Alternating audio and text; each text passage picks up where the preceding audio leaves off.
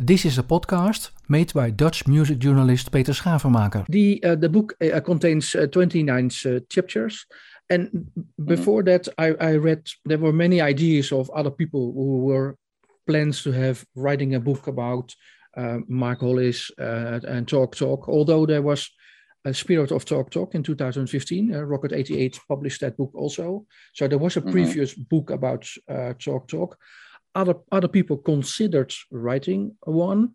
Um, mm-hmm. In one of the interviews I I read about you and I heard about you, is you you said they met with silence. How how did you meet up with the silence of the family and several band members? I did, yes. Um, I mean, I'd, silence makes it sound perhaps more dramatic than it is.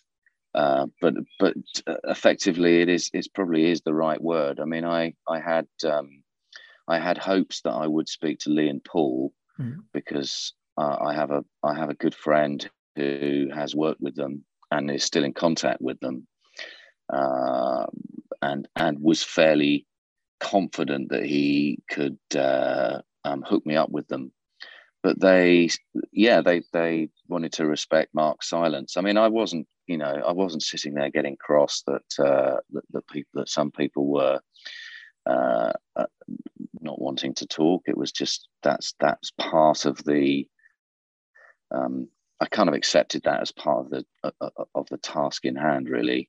I kind of expected it to uh to, to be in many ways i expected it to be worse than it was but there were only a handful of people who I didn't speak to. Obviously, Mark's widow, who, who I did write to after I'd finished the book and, uh, uh, and offering her to uh, to read through it, and she sent me a very lovely card back, um, wishing me all the best, but but saying it was a little bit too, still a bit too raw, mm. um, since Mark passed away.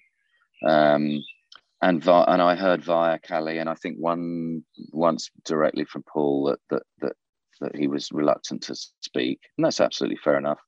I would have liked to have spoken to Tim Friese-Greene, but he hasn't spoken to anyone for you know 14 years, I think, not since he spoke to Mojo maybe in 2006. Yeah, because he has also he also has some problems with his ears. I think tinnitus. I think he has also. Yeah, I mean, it doesn't stop him making music, having tinnitus. I, I don't know whether the tinnitus has anything to do with him not speaking. I think it's probably more slightly more profound reasons. Although I'm not belittling tinnitus, I have it myself.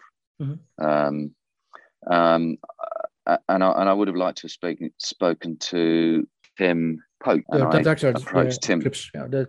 Yeah, because in, in, in the, there was a period I think in the during the talk talk kind of imperial period when they were on tour and making and, and and being generally very successful in Europe with and then late latterly in the UK with the Color of Spring, where he was almost like uh, a member of the band. You know, there are photographs of of him sitting alongside them, and he and they all dress exactly the same, and mm-hmm. you, you, can sense there's a real chemistry between him and Mark on the the, handful of uh, TV or video um, shows that they did together. They, they clearly shared the same sense of humor and, and, and had a, a, a and, and found each other really good company. And uh, I suspect I would have learned some really fascinating things from Tim. And maybe, you know, maybe he'll come forward if we ever do, a, you know, a, a reprint and, and I do some fresh interviews. Yeah, but but the, the persons you mentioned are, are key persons in the history of uh, Talk Talk and also in mm-hmm. relation to Mark Hollis, of course. Yeah, did, did you ever did you ever consider it should be the foundation of of writing a book uh, speaking to these uh, key persons? Foundation. Well, I, I kind of figured that there were there were other key people. You know, it wasn't okay. So there was a lot of. Uh, you, you could argue that uh, every single person from the inner sanctum would be so that being you know the band and the producer and the uh, widow did not want to speak but i don't think that's a i don't think that's necessarily going to be preventative from getting to the truth of someone's personality because i spoke to pretty much everyone else. And plus you know i spoke at length with uh, with Phil Brown, who spent what, what, amounted to many years in the studio with them, uh, as well as Simon Brenner, who was the original keyboard player. Uh, as well as every single session musician. Yeah, yeah. You, you called uh, Simon Brenner one one of the key persons in your book. Yeah, I mean he's he, he's definitely. I think there's you know there's there's lots of people who I think are key. I wouldn't single Simon out. I mean he was certainly key in the early stages of the group, you know. But by the time that they were onto the second album, he was out of the picture. But certainly in the in the first, um, uh, you know, the, when when Hollis was discovering himself as a songwriter and uh, got his first publishing deal, Simon was a was absolutely key to it. Yeah. yeah. The, uh, the question you ask is: um, Was there any point in writing a biography, uh, also um, uh, doing and and the uh, a deserve to to Mark? How many times did you question yourself this? Not very often, I have to say. I was quite I was fascinated. What, what really kept me going in the early stages of writing the book was the detective job that I had to do and spent some considerable time doing in finding out about Mark's um, early life. And uh, I didn't, I, I had very, very little to go on with that. Not only because he clearly was, um, he scattered seeds of uh, misinformation and disinformation uh, in, in, in, some interviews, but also obviously because I couldn't I couldn't access school records because because of the uh, various um, uh, privacy laws in this country, the new kind of uh, um, uh, child protection laws about uh, you know investigating school records and that sort of thing. So I was going a lot of a, a lot of uh, I used sort of contacts within the Southend area. Uh, fantastic people like Will Birch, for example, who was very uh, pivotal on the kind of pub rock stroke kind of pre-punk circuit and knew Mark's brother very well and, and I spoke to a number of people who knew Mark's brother and kind of by connection knew Mark as a as a younger um, boy. And ancestry.co.uk, which was just really fascinating, digging up um, the records of where um, the Hollis parents um, moved to and lived in around London.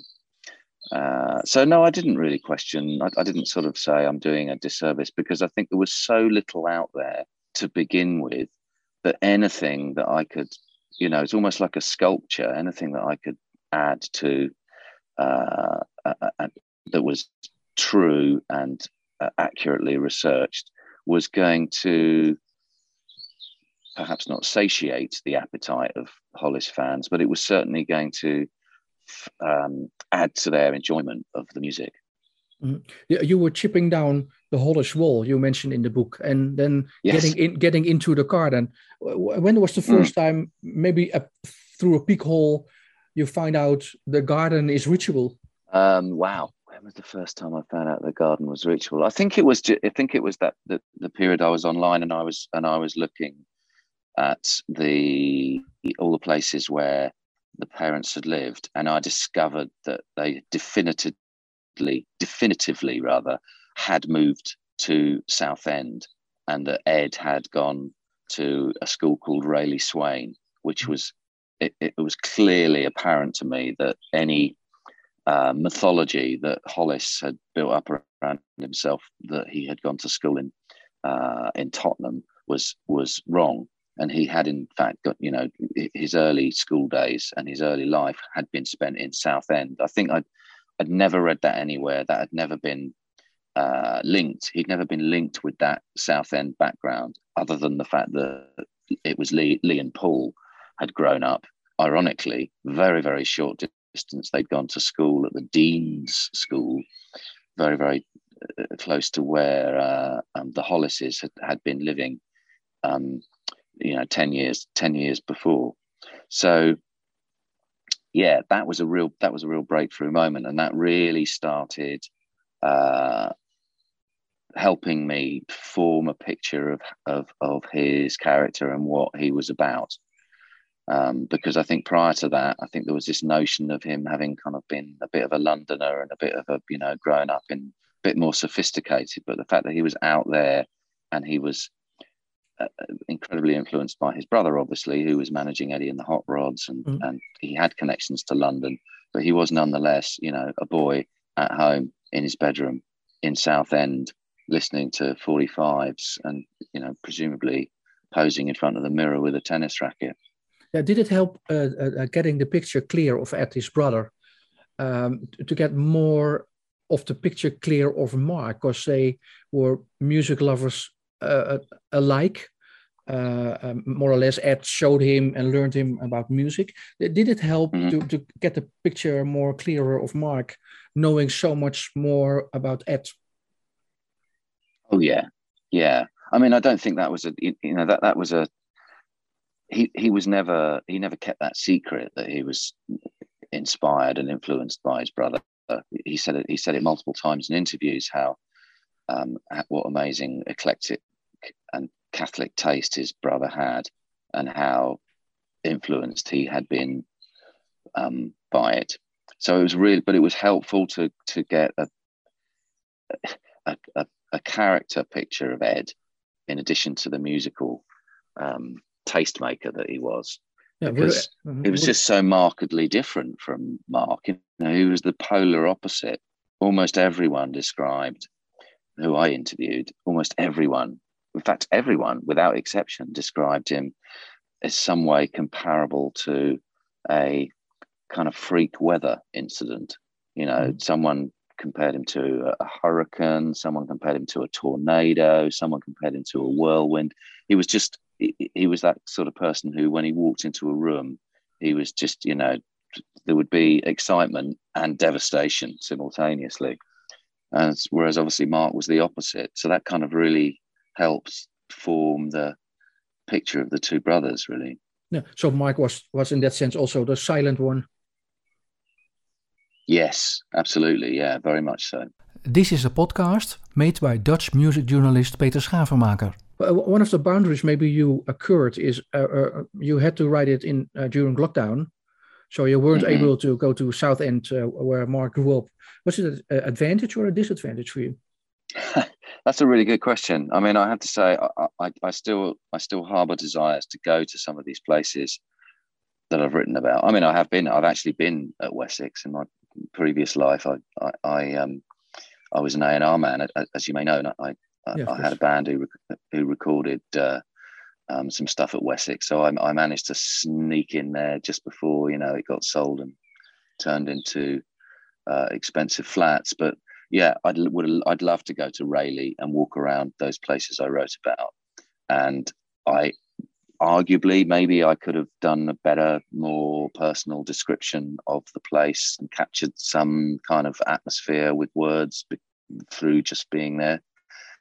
But I think on a practical level, it was actually really helpful writing it during lockdown because, quite frankly, everyone was at home. So I didn't have to, you know, my interviews became a lot easier because it wasn't waiting around for someone to, for a session person to come back from tour or or to to you know stop stop a, a very busy project that they were in the middle of because everyone was doing nothing at home. Yeah, and and and um, have to drive across the country. Well, yeah. I mean, I didn't. You know, there was whether I would have had to drive across the country to do interviews with people just because it, if there hadn't been a lockdown, I don't know. But certainly, people were more used to communicating uh, on the phone and and on and on streaming platforms such as this. Yeah, uh, you uh, grew up uh, uh, being a fan of uh, post punk and wave, and um, but you also are a fan of talk talk. When did you became a fan? Well, I think I, I write about it in the introduction to the book. Really, mm -hmm. um, I, I, I was quite fond of some of the separately some of the tracks from Color of Spring. I didn't really ever embrace the earlier stuff. No, you, uh, you paid only mild attention to Talk Talk before Color of Spring. Yeah, I, I mean, I, I, I, as, as I say, it was that the defining moment for me was was was the Spirit of Eden, and I think that's that's not unique to, to to uh, to me. I think that's the same of a lot of people. It was a, it was a revelation. Uh, it was a gradual revelation, but it was certainly even from the first listen, it, it was something that I was um, I could I could just about cling on to as a fan of melody. But it was certainly something that that just became a, a, a richer and richer listening experience with every repeated listen. Yeah, the and, more um, the more I played it, how better it got. You uh, really uh, you write in the book. Can, can you bring me back to those days you put on the Spirit of Eden album, eh? being kind of an arrogant early 20 boy, you, you write also in the book, and then finding yeah. out maybe Spirit of Eden it, it is a very interesting album for you anyway. Yeah, I mean, I you know I grew up. I, I, I remain a big fan of pop music, so I so I listen to, you know, I I, I, I now I'm, uh, I'd like to think that I've got very eclectic taste.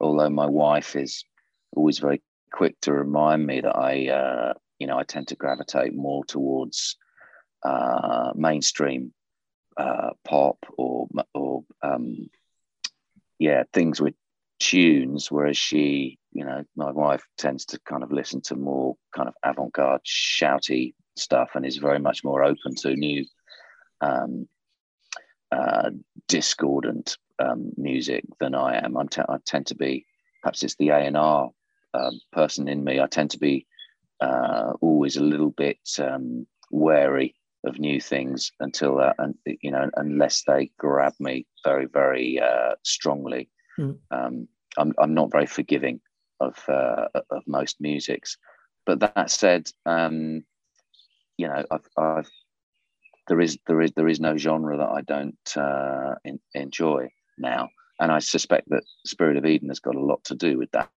Really, I mean that's certainly opened up a lot of pathways into.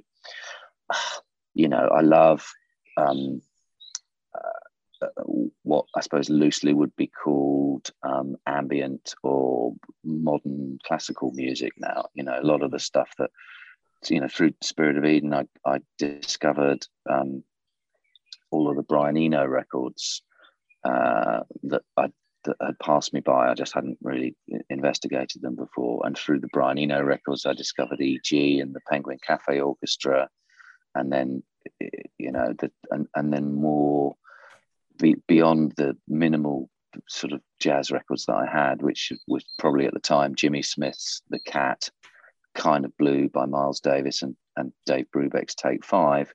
So, and through Spirit of Eden, I was, you know, it was a gateway into uh, into um, uh, Bitches Brew and the more and uh, you know John John Coltrane and and Mingus and uh, and Roland Kirk. So much more sort of um, interesting and perhaps less well known, well, to me at least, less well known jazz records. Mm-hmm. Do you feel, in that sense, a connection with Mark because that's his his music taste also? The the jazz and the and the names you just mentioned and the classical uh, composers. Yes. Do you feel a connection? To, to, do you feel a connection to towards his uh, his way of thinking and his way of making music. Maybe that's why you you love the Spirit of Eden, because you like that music also. I don't know.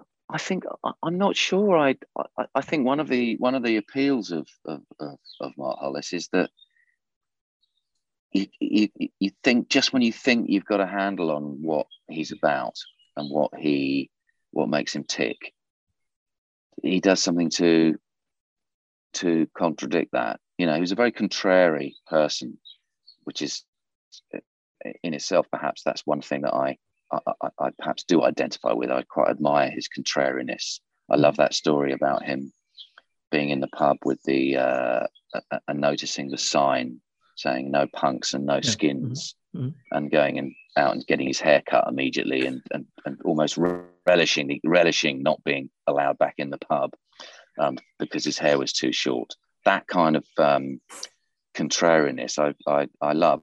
I was thinking about the, how his very first record, I don't know whether you're familiar with um, I Can't Resist by The Reaction. Yep. Um, which was the first single that well, the, really the only thing that he released on Island Records as as the reaction. Uh, and on the cover of it is this ice cream sundae. There's a the cover is actually reproduced in my book in the and it's an ice cream sundae, you know, in a in a ice cream sundae glass um, dish with a whipped cream and a cherry on the top. But actually, it's not ice cream. It's raw. It's a raw sausage uh, underneath the cream. Mm. That was Mark's suggestion, and it made and it made me think. Only today it occurred to me. I don't think I've even I even wrote I made this connection in the book that his final record, the very last record that he released, has got the uh, the Easter lamb bread on the, pho- the photograph that mm. um, uh, uh, white photograph that's on the front of the album.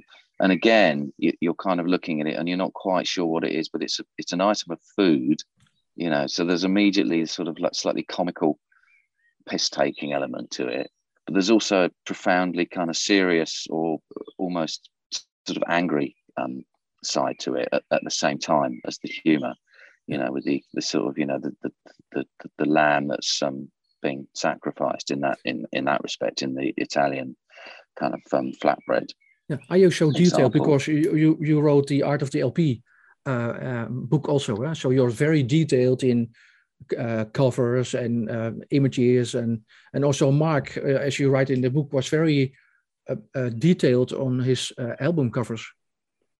So th that's why. I, yeah, I think it's, it's, interesting because I think both those covers, you're absolutely right. Both of those covers, he definitely had a handle in, a, a, a, a hand in rather, and, and made decisions on.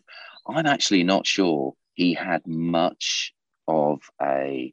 Um, a number of my interviews, uh, interviewees said to me, including uh, Keith Aspden, actually. Again, you going back to your question about the kind of you know the the the uh, the inner the inner sanctum, the people who spoke to me. Keith, I was so pleased that Keith initially was reluctant to speak, but then did speak, and he suggested to me that actually Mark wasn't that bothered what was on the Talk Talk sleeves, as long as it wasn't him, as long as there wasn't you know a, a photograph of him, and I think so. Keith's um, naturalism, you know, Keith's passion for nature um, born out of his, you know, what, what he studied at university and his and his natural, you know, life's passion for the natural world was that was being reflected possibly more than what Mark wanted. It just happened to be immensely appropriate and and um, and fitting for the um, for the uh, for, for the music that Mark was making. You're absolutely right to say. I mean, Mark's attention to detail with the music was was uh, was incredible. You know, there was incredible minutiae of uh, of de- of, detail that he was that he, he obsessively um, watched. But I don't think he was that bothered about the artwork. Really, you know, I think he he maybe had a go when they first did the Talk Talk uh, photo shoots at EMI and you know, he had this idea that they would just be a blank canvas and people could read into whatever, read into them whatever uh, they wanted to, and that therefore they would wear white suits, which would represent, you know, blankness and uh, and and allow fans to make up their own story. That backfired, as as you know, as, as we all know, and, and they've just looked like a sort of all new romantic also rans. Um, possibly because they allowed the uh, makeup artist to give them mascara. Um, so maybe that put Mark off. I don't, I don't know. I'm speculating here, but I, I honestly think that he was so passionate about the music that he just didn't have the headspace to think about the, you know, what the, what the kind of the the, the uh, um, the graphics were going to be, and he totally trusted Keith on that. How did he surprise you being so detailed in music? Did you know before, or was you during your search you found out he was so detailed? Did he surprise you? Well, I think that's one of the things that that uh, goes hand in hand with being a fan of certainly of the of Spirit of Eden and Laughing Stock is the process, uh, the, the, the process of, of how they got made, and all the mythology that that surrounds that. Much of it, as I hopefully expose in the book, inaccurate, you know. But mm-hmm. um, yeah, I was aware of, of the of the laborious uh, and uh, and and and somewhat haphazard way in which those records were put together, and like everyone else, fascinated by it. Um, and so, you know, in, in one respect, I like I'd like to think that the book is the, you know, is the last word in how those records were made. I'm sure it isn't the last word. I'm sure that you know, and someone else will come along and, and discover more stuff, and that's great, you know. But right now, you know, my my I suppose my goal was to sort of was to put to bed any rumors about them taking opium or EMI being so disappointed with Spirit of Eden that they dropped them. That's obviously not ro- not right either. Or um, calling Laughing Stock Laughing Stock because they were taking the piss out of Polydor. You know, all of these things that kind of rumors that I was privy to working in the industry. You know, I, I remember thinking, yeah, of course, because I actually didn't really like Laughing Stock when it came out. I was such a big fan of Spirit of Eden when Laughing Stock came out. It was so different and angry and more discordant and um, more, I suppose, akin to what we now know as post rock. Um, very quiet and then suddenly very loud and abrasive and um, mm. and and attacking. That uh, I thought there was an element of they were just taking the piss, you know, because I didn't have the, you know, I had no reference points really, you know, but I was beginning to get the get, you know, get under the skin of of uh, of, of uh, contemporary jazz, but that's you know they went a different, even more different direction. Tim Friese-Greene, in some respects, led that um, led that album a little bit more. You know, wanted it more guitar-y, wanted it a little bit more. Um, I don't know. Maybe maybe you know his his interest in that in the sort of post um, kind of post shoegazing scene that was emerging at that point fed in a little bit. He, you know, by that time he'd already been involved in Lush. Um, I think. Yes, he had. Yeah.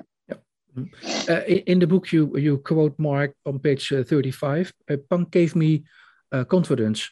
I wish, mm. thanks to Punk, I got into the water. what um, did he ever left Punk being in Talk Talk? Do you think? Well, I think I think the main influence that punk had was not necessarily um, on his songwriting, although you know the reaction, the, the, the songs that he was writing in the reaction were were quite uh, inspired by the you know new wave. Um, but I think really his his the lasting influence of punk was the was the confidence that he, it gave him as someone who was not really uh, a um, uh, he he was not an amazing guitar player. He was not a, a multi instrumentalist in the in the in the same way that you know some of the artists that he really respected were. He was he was almost like a, a what, what would these days be called a curator of sound. You know, he was. It, it, it's it's interesting to speculate what he would have done in the in the noughties had he you know if he was a 20 something then would he have formed a band or would he have actually got a turntable and and started uh, you know and, and, and started his own label like you know um, um forgotten the name of the label now that uh, that, that got a deal with A&M um, you know that kind of DJ culture that emerged in the in the late 90s Mo' Wax, that's the label, but that's that's the sort of thing that Mark may have done instead of being in a guitar band, you know, because he was more, he was in, he had encyclopedic knowledge of of music and music history, and he knew exactly what he wanted to hear, but he just couldn't play it himself a lot of the time. So, what punk, to return to your question about punk, what punk gave him was the confidence to just uh, recognize that but do it anyway. But just go go ahead and and and um, uh, you know use whatever the uh, the technology was at the time, which happened to be synthesizers in the early days. Uh, and then when he had a bit more money, use session musicians as if they were extensions of his own uh, I- imagination, you know, which worked for some of the musicians he that he um, that he worked with. You know, they loved it, like people like Martin Martin Ditcham um, and uh, Dominic Miller, and then but other mus- other session musicians who came along to those Laughing Stock and Color and uh, and um, Spirit of Eden sessions hated it. You know, Danny Thompson uh, allegedly says it said it was the worst session of his life. Um, so yeah, I think I think that's what he took from punk. But but after uh, releasing uh, Mirror Man, uh, it was kind of a turning point in music in that sense. So he he, he said uh, punk goodbye, and then, then he moved on to to talk talk music and uh, uh, new wave music. And so can you say that's a turning point in his career? Well, I think Mirrorman was. I mean, Mirrorman and was part of that first album. I don't. I don't see it as a separate separate piece of music. There was a. There was a. Uh, um, th- there was a slight, a more guitar version of Mirrorman that I believe was possibly played by the Reaction or done around the time that he was doing demos of Reaction songs in a mm-hmm. maybe in a less new wave style. So it was a, it was one of the very early songs, as you as you rightly say. But I don't. Um, yeah, I mean his his idea about Talk Talk was very was very much about being a, a you know writing classic songs, uh, and and I don't you know I think in terms of what he had been doing with the reaction, he wanted to kind of leave that uh, leave that behind. Although obviously he, he kept the song that he'd uh, that he'd co-written with his brother, um, and, and and took the name of the band from it. Yeah, but um, it was very much about the songs. I think when he signed that deal with Island, and he and Simon Brenner, they were writing songs. Please, please take me back to the uh, UK press in that those days because they were very aggressive, very uh, um, uh, not accepting talk talk at all. Uh, what was it like uh, in those days? Because we, we don't know it in Holland. why did they ignore talk talk? Do you think? can you say, say it briefly? Because oh, you write it, a... write it, write in your book, but, but you can say it in a few words. Or? Yeah, well, the music the music press until really they folded in the in the uh, early noughties were always um, they they uh, they had the monopoly on taste. So if the if the NME, then it wasn't then it was nine times out of ten the NME who kind of set the tone. They were the ones who were perceived as being the um, the, the real tastemakers, although the others were pretty opinionated as well, uh, Melody Maker and Sounds. Um, but it was those three papers which were which were in those days um, broadsheet stuff, you know, broadsheet size. I don't know whether you can see me. Yeah, yeah, but, yeah, you know, yeah, yeah, yeah. I know what you mean. They were big. They were double. You know, they were double sized. Big. I used to buy NME. And, uh, I used to buy NME myself. So. Yeah. Okay. Well, you, you know what I'm talking about, and the, and a lot of the writers were really up themselves and really when you if, if we look back on it now from the perspective of the 21st century and the and the and the democratization of taste because of the internet they were you know they were really um, exploiting the, their privilege their privilege being you know largely they were white men and also they were um, they were getting to hear everything free and the rest of us had to kind of really we had to risk our pocket money or you know older people with their wage packets had to risk it based on their opinion because unless John Peel played it in the evening there was no way you could ever hear anything until you actually bought it yourself or maybe you were lucky enough to hear it in a record shop or your mate had it and you did a and you did a cassette copy of it.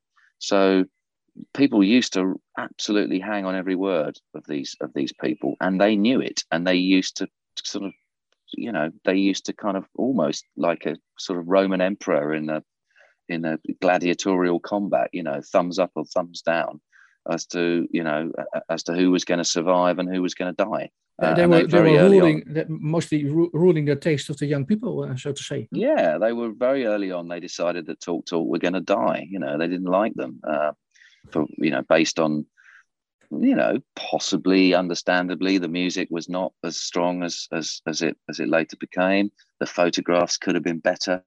There was they were maybe they weren't the right kind of you know didn't say the right things in interviews. They were a little bit kind of. Uh, um, it's interesting because actually the very first NME piece, which was written by a lovely chap called Adrian Thrills, was immensely positive about them. You know, recording they were in the studio with Colin Thurston and he's saying, "Oh, it won't be long before they're joining the ranks of, you know, Soft Cell and Duran Duran on top of the pops and and gracing our uh, gracing our charts with their with, with their with these amazing songs."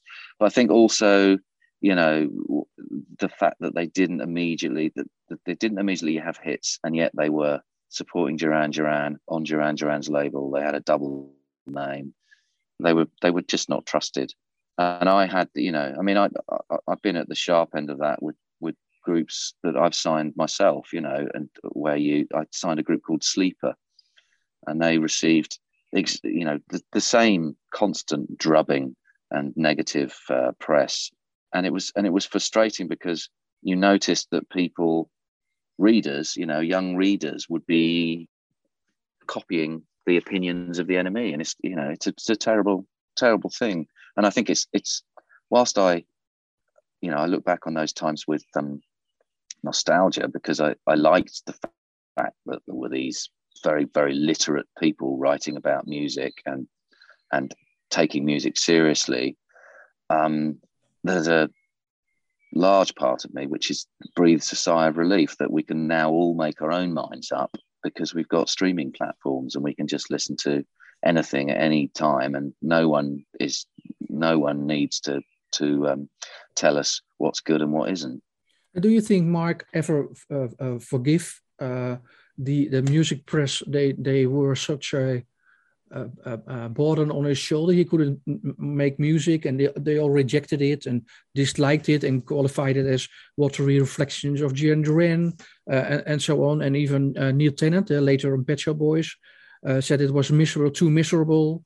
Um, yeah, and it was I not, It, he, and it was not in the league of the Smiths. So uh, I don't think he ever got on with the UK music press. Mm. He never. He and, and that's across the board. He was always. He just didn't like it, and he never trusted them, and he was angry. I think with them, ultimately, and it's it's evident as the as the group got more and more successful. The interviews that he did with the Dutch press, with the German press, with the French press, he's a different person. You know, I mean, I've got there's one example where I think it's on the same. The interviews were conducted within the same month, um, and he's asked the same question in a in a in a British, um, I think it's international musician, something like that. It's a British kind of uh, um, studio magazine. It's not even the NME or Melody Maker. It's a studio magazine. You know, nice, friendly guy saying, tell us a little bit about Tim Friese-Greene. And Hollis says, well, he's the most boring man I've ever met. In fact, I only, and he starts just whiffling on about Tim Friese-Greene in a in a in a sort of Peter Cook ironic way. He's asked about Tim Friese-Greene for a Dutch magazine several weeks later, and he gives a really, really interesting and informed answer about about his working relationship relationship with his producer and co-writer and that's how he was because he felt that he was respected by uh, the European press, and he was, and and they had done their research, and they were going to ask intelligent informed questions. Whereas quite often the the UK music press would always ask the same, you know, new Duran Duran related nonsense based on hardly any research. You know, they just weren't bothered. And even when they did try, he at that point it was kind of too late. I think they kind of they they given up on them. Yeah, the, the Dutch press. Uh, you you um, mentioned many uh, uh references to the Dutch uh, press, also to uh, Adam mm. Curry in uh, Countdown, and to yes, which is also a very interesting quote. You're enormously popular in the states and in Europe, but not so very popular in in England. Why is that? Do you think? It's because all people outside of England, with the exception of us, four people here, have in superior taste to everyone else in the entire world. Thank you. I have to say, my heart goes out to Adam Curry in those in, those YouTube clips that I watch because he he's a, immensely patient with uh, with them because they are. I think when I say that Hollis was very was was very um, um, uh, good with the with the um, the European press, he wasn't quite as patient with the European TV uh, uh, journalists, and that, and I include Adam Curry in that. And, and, Adam was clearly, you know, quite well informed and had done his research. But yeah, there's a couple of interviews where he's really trying hard, and Mark is not giving any. You know, he's he's just not giving him anything. There's one really painful interview where he's asking him about. I can't remember what it. I, can't. Sadly, I can't remember specifically what song it is, but it's a song that he says, you know, I, I think it's a I think it's a breakup song. Is that right, Mark? It's a song about breaking up with someone. And and Hollis just sits there with his sunglasses on, shaking his head like that, and then he just stands up and walks away. And they're about to do a, a, a, a performance of you know a mime of, of the of the latest single. Yeah. So he walks off, and Adam sort of sat there, kind of trying to um, make light of it and talk to the other two, who very quickly follow Mark off, and you know, oof, um, Adam is in your, book, in your book twice um, mentioned on page uh, 146 and uh, from page uh, 186. Uh, very, mm-hmm. interest, very interesting. And you uh, also very m- much mentions to the Dutch press, to the Dutch uh, Hitkrant, and of Or, of course, and Joost, uh, yes. Joost Niemuller from Vinyl, which you quote mm-hmm. on page 183, which is, yes. you write, he, he was a very close listener and very informed uh, journalist. So that's an example of the difference between the horrible uh, UK press with their own world instead of the uh, Dutch press who were very interested in. How, how did you, by the way, uh, uh, use the the Dutch magazines in your book? Did, how did you translate it? What you said? Well, there's a really there's a fantastic uh, website that I, I, don't know whether you're aware of called Snow in Berlin.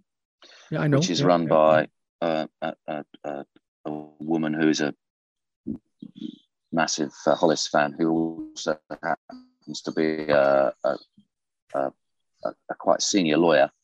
Um, so she had got a number of these. Well, she's got quite a definitive amount of interviews. Although I I had other ones from a from another contact, and she has translations of those on her uh, on her site. I have to admit, I'm a I speak German, so there's a correlation in in in some of the some of the uh, rendering of, uh, of, of Dutch and German.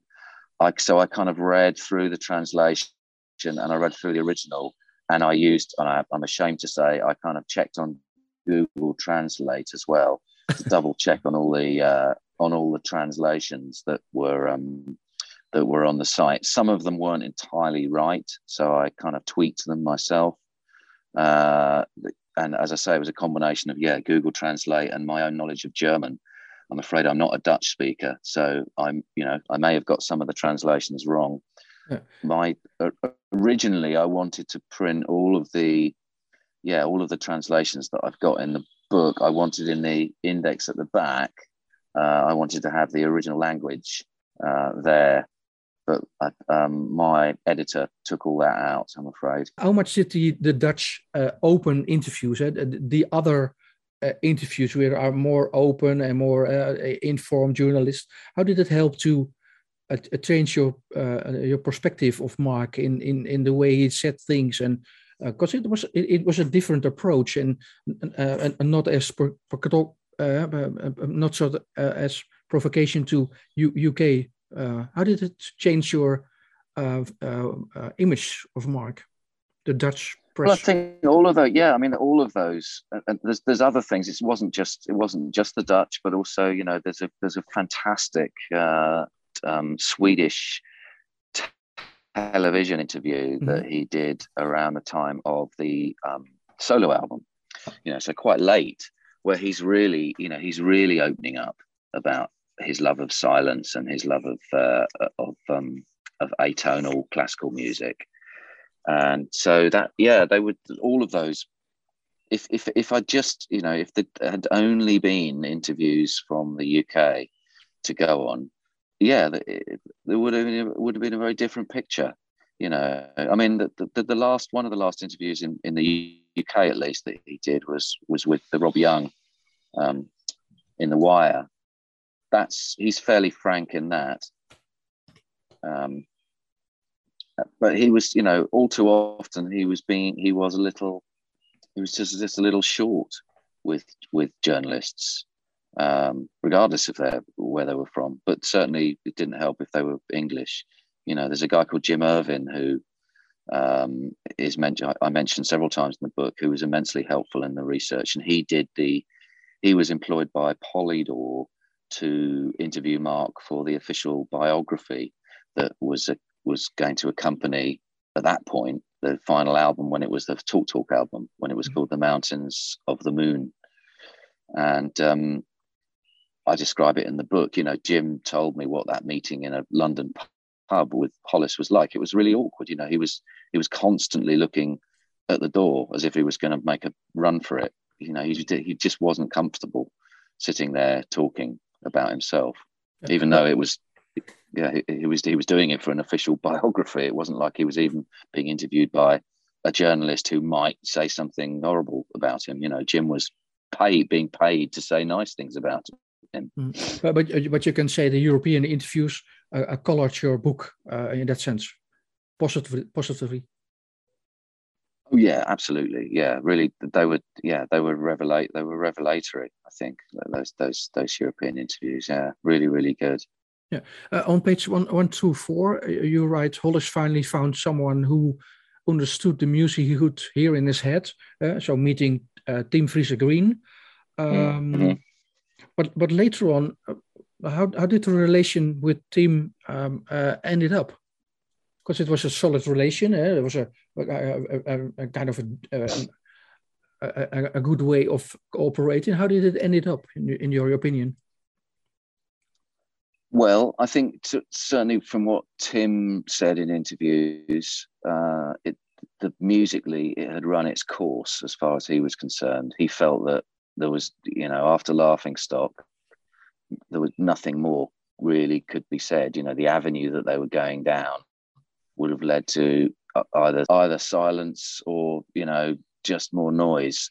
Um, whether that was a you know in addition to the musical reasons there was also personal stuff um i i, I suspect there was yeah there was a there was a working relationship there that he was kind of maybe slightly claustrophobic in he certainly in an interview used the word purdah p u r d a h mm-hmm. as a as, as a as a description of a um, of what it was like when when he finished a Talk Talk album. And this is you know this is he was talking about an early Talk Talk album. So I think his notion of re- what it was like recording with Talk Talk was always it wasn't like a barrel of fun. Let's put it like that. So whether Mark was kind of over Tim. I don't think he was. That's my personal opinion. I think he I think he, he would have liked to have carried on with Tim, but he made a brave face of it in all the interviews and said, "Oh yeah, we've you know we've we've um we've uh, you know we've we've done what we were we set out to do and I'm moving on sort of thing." But I think there are certain interviews that I quote from again in the book where he implies that you know it's very important to get a writing partner.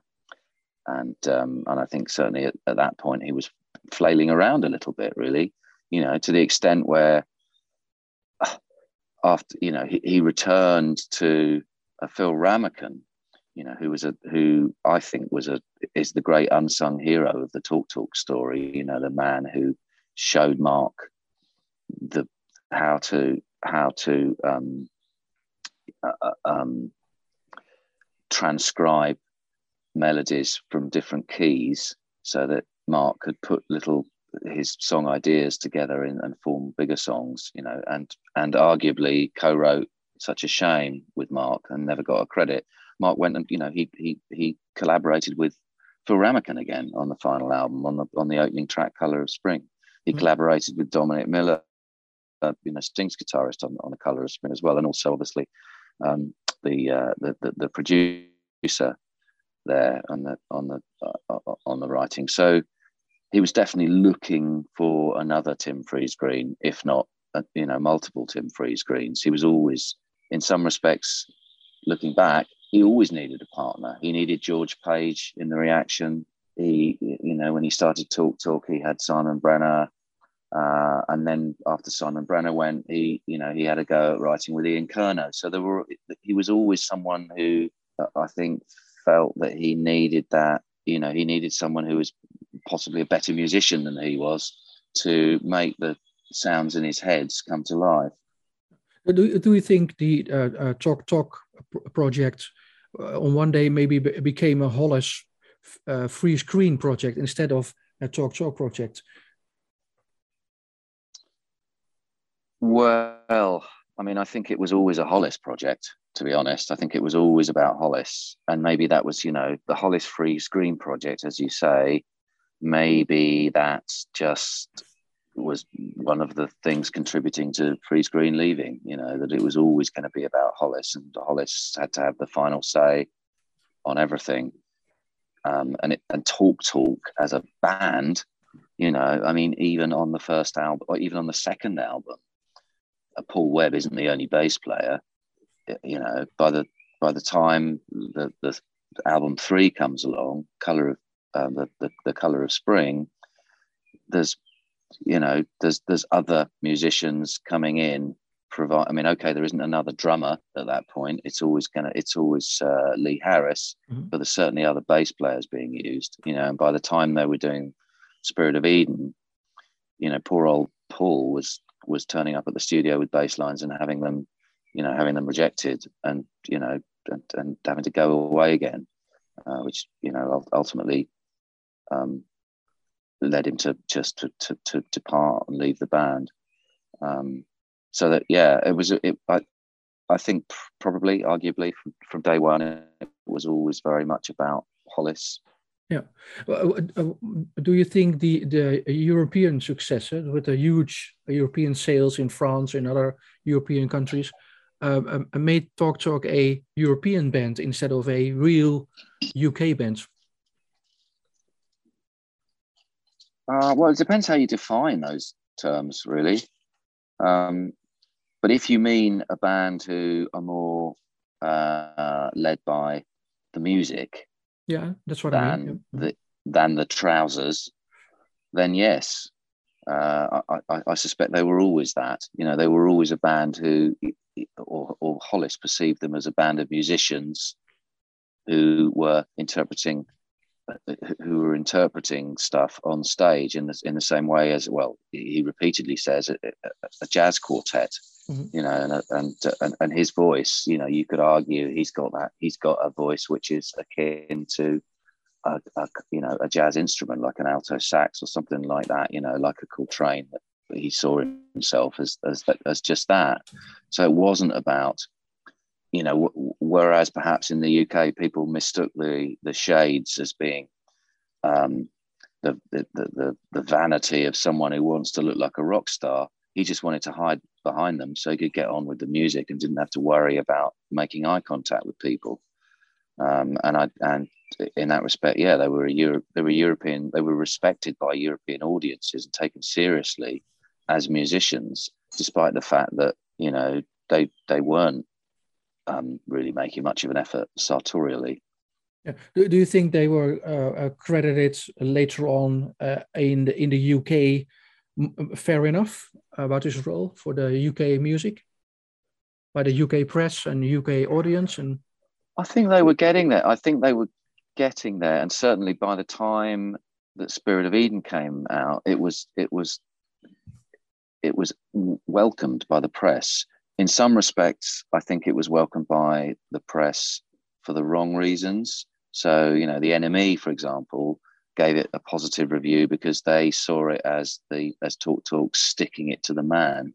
You know, as Talk Talk saying, "Fuck you, EMI. We're going to deliver an unlistenable, experimental, modern classical album," and that's and that was applauded by uh, the, uh, the, you know some some journalists who who thought that was a kind of you know you know that was a, a class action as it were um, but uh, I don't did did talk talk finally get there? Yeah I mean I think they got it, it, it, in some respects they the irony is that the, the the, the lower sales they got the better press they got. So it kind of there was a sweet spot during color of spring where the press got better and they had hits. And then it kind of you know if, if you imagine it like a graph as the sales plummeted the the uh, accolades rose. Mm-hmm. uh, but the, the music magazines now well received your book about Chalk Talk does that make uh, uh, uh, is that a change oh, well i mean now yes. Yeah. how, how, does Sorry, how does about... how does the uk now look at Chalk Talk and his mark hollis and his music? Well i think there's a i think there's still a certain amount of confusion. I think there are people there's there's there's there's a lot of young kids who who've had the kind of the the, the hipster stuff handed down. So so you know color of spring and sorry laughing stock and, and spirit of eden are you know are handed down to teenagers in the same way that you know nevermind and and spiderland and surfer rosa and the stone roses first record and um, um, i don't know uh, Parklife are, are, are possibly handed down you know introducing the dj shadow record i think it's I think um, older listeners of, of a certain um, who are serious music fans will are are um, clearly very respectful. But I do think there's an awful lot of people, maybe not so many in the UK, but certainly some in the UK, whose memories of Talk Talk end with "Life's what you make it," and after that they're a bit they're a bit vague on what happened to Talk Talk, and and they don't you know, they just know Talk Talk from um, the Natural History album. You know, that was their biggest hit over here, that, that record, and all those re releases that happened kind of after the color of spring, but had nothing to do with what, with sorry, after Spirit of Eden, but had nothing to do with what Talk Talk were doing at the time. You know, they were nominated for a Brit Award and they had, um, you know, uh, uh, they had a top 10 album, uh, which was a genuine top 10 album and, and, in the charts for a long time, and, and top 10 singles with It's My Life and, um, and Life's What You Make It Again. And I think uh, that's what people remember in this country. And maybe that's what people remember full stop. You go onto Spotify and, you know, the biggest the biggest tracks are not the tracks that we eulogize about they're still such a shame and it's my life you know they they they they're in their in their million millions tens of millions of streams yeah. do, do you hope your book will change that uh, picture in the uk because you changed uh, you you you you opened up the the the, the mythology of mark uh, mm. the, hmm. uh, the, the way they made the albums and you really had a dip very in depth. Do you do you think it will change the opinion of uh, the UK? Well, I hope I hope it's not just. I hope it's a book that's that will you know for for for purely financial reasons. I hope it's a book that sells to people that um, beyond just the the um, Mark Hollis diehard fans. But um, yeah, I mean, I'd like to think that it's that that it will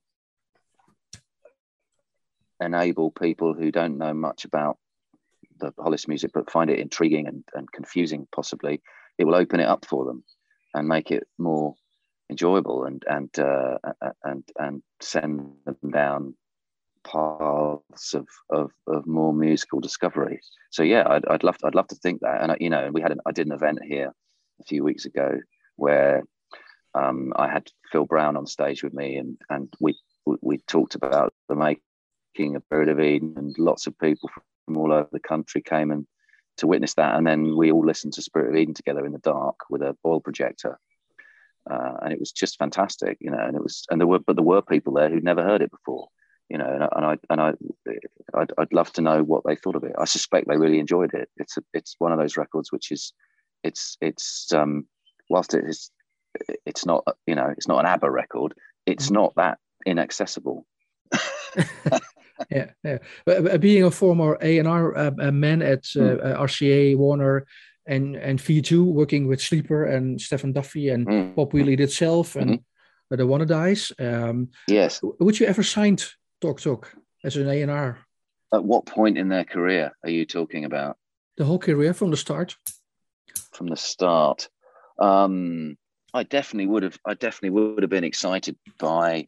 Um, I would have been excited by Mark's stuff with the reaction, uh, arguably more than the than the than the early Talk Talk stuff. I really like uh, the the reaction records, and I like the um, all the recordings that I've heard that I actually managed to dig out of um, uh, from various from various people, sort of early reaction recordings, a bit more new wave, shall mm. we say? Um, I liked that kind of angry, yeah, that sort of angry uh, post punk thing that he had going on, and he was doing, and they were doing covers as well at the same time of Arthur Lee songs too. Mm. You know, Seven and Seven is they did as well. Um, early talk talk maybe not so much that period the you know with the simon brenner on keyboards the sort of you know the synthesizer period. Um it, it wasn't totally up my street but you know i wasn't an a&r man in the early 80s i and i maybe if i had been i would have been listening out for you know contemporary sounding stuff which that's exactly what it was you know.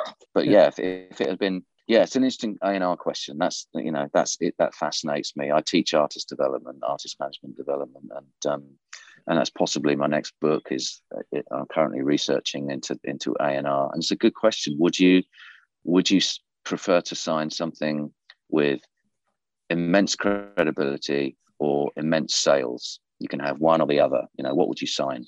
Mm-hmm. And yeah. you know, talk talk talk talk at, at different points in their career are both those bands. Yeah.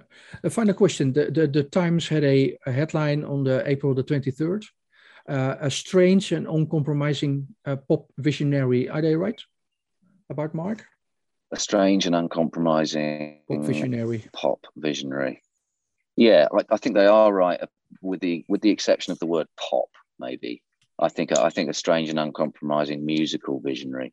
I mean, I do think that um, I said in another interview, actually, I wish I'd written this in the book, to be perfectly honest. It was quite a good sentence, but it is, but it's along the lines of, you know, anyone who doggedly pursues a, a, a vision um, against the prevailing kind of any any prevailing advice or, or guidance from what's going on elsewhere, but doggedly produces a, a something that um, that maybe isn't popular at the time, but gains in stature year on year to the point it, to, to, you know to the level that albums like uh, Spirit of Eden and Laughing Stock has done.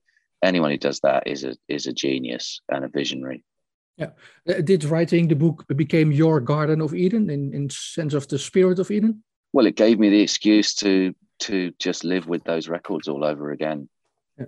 and walk you know go on long walks through the countryside listening to to them. And that was a that was a that was a wonderful thing yeah. Yeah. Thank you so much for the for the nice talk. Thank you. Bye bye cheers peter. Bye bye this is a podcast made by dutch music journalist peter schavenmaker